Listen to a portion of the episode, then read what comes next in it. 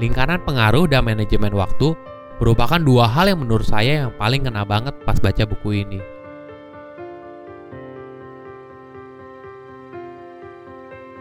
Halo semuanya, nama saya Michael. Selamat datang di channel saya, Sikutu Buku. Kali ini saya akan membahas buku Seven Habits of Highly Effective People karya Stephen Covey. Covey percaya bahwa hidup kita tergantung dari cara kita melihat dunia. Apabila kita ingin mengubah kondisi yang kita alami sekarang, kita harus mengubah cara pandang kita dulu. Menurut saya, buku ini sangat bagus untuk membangun kebiasaan dan fondasi berpikir untuk hidup yang lebih baik. Berikut adalah 7 Habits of Highly Effective People dalam buku ini. 1. Jadilah proaktif. 2. Mulai dari bagian akhir. 3. Dahulukan yang benar-benar penting. 4 berpikir menang-menang. 5. Mengerti orang lain dulu sebelum dimengerti. 6. Sinergi. 7. Asah gergajimu. Bagi saya pribadi, ada dua hal dari buku ini yang kena banget sampai sekarang. Yang pertama adalah lingkaran pengaruh.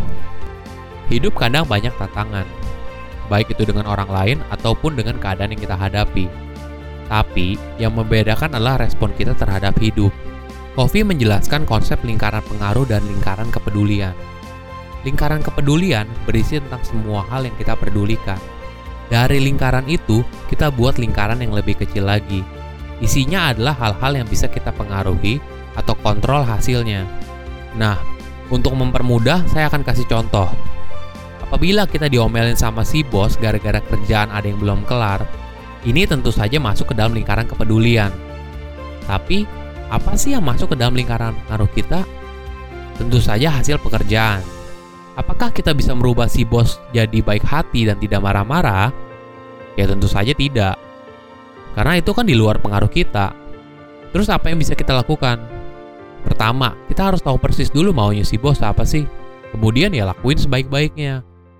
Jika si bos berharap kita ngerjain 100, ya kita kerjain 120 nah pasti dijamin nggak dimarahin. Daripada kita sibuk curhat kalau si bos tukang ngomel lebih baik kita fokus ke hal-hal yang bisa kita kontrol yaitu hasil pekerjaan kita. Kedua manajemen waktu yang efektif. Setiap orang punya waktu 24 jam yang sama. Ada orang yang bisa mengerjakan banyak hal tapi ada juga orang yang selalu sibuk tapi nggak tahu hasilnya apa. Ini semua sangat terkait pada manajemen waktu. Kofi menjelaskan konsep manajemen waktu yang sangat simpel tapi kuat sekali. Kofi membagi manajemen waktu menjadi empat kuadran. Kuadran satu, penting dan mendesak. Kuadran ini berisi tentang hal-hal yang sangat penting dan mendesak. Bagian ini harus segera kita kerjakan. Kuadran 2, penting tapi tidak mendesak. Kuadran ini berisi hal-hal yang penting, tapi masih bisa kita undur waktu penyelesaiannya. Biasanya, karena tidak ada deadline yang jelas, bagian ini cenderung nggak dikerjain. Kuadran 3, tidak penting tapi mendesak. Bagian ini sebenarnya nggak penting-penting amat, tapi harus segera selesai. Nah, Kofi menyarankan untuk kita delegasikan bagian ini. Kuadran 4, tidak penting dan tidak mendesak. Bagian ini biasanya berisi hiburan dan merupakan kuadran yang harus kita kurangi untuk manajemen waktu yang efektif. Agar lebih mudah dicerna, saya akan memberikan contoh. Di kuadran 1 biasanya terdiri dari krisis, hal-hal darurat, proyek yang deadline-nya besok, dan sebagainya. Sedangkan di kuadran 2 biasanya terdiri dari bikin planning, olahraga, makan lebih sehat. Nah, kalau di kuadran 3, contoh umumnya itu kayak beres-beres rumah yang mulai kotor. Sekilas memang nggak penting, tapi mendesak. Misalnya, mau ada tamu yang datang. Mungkin ini bisa didelegasiin nih, pakai jasa GoClean mungkin.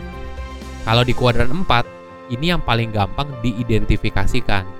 Contoh, kamu main sosmed, kepoin mantan, liatin tampilan teman kamu, lagi ngapain sih dia? Jika kita sudah membagi aktivitas kita seharian dalam empat kuadran ini, maka kita akan lebih mudah untuk bikin skala prioritas agar 24 jam yang kita punya lebih efektif.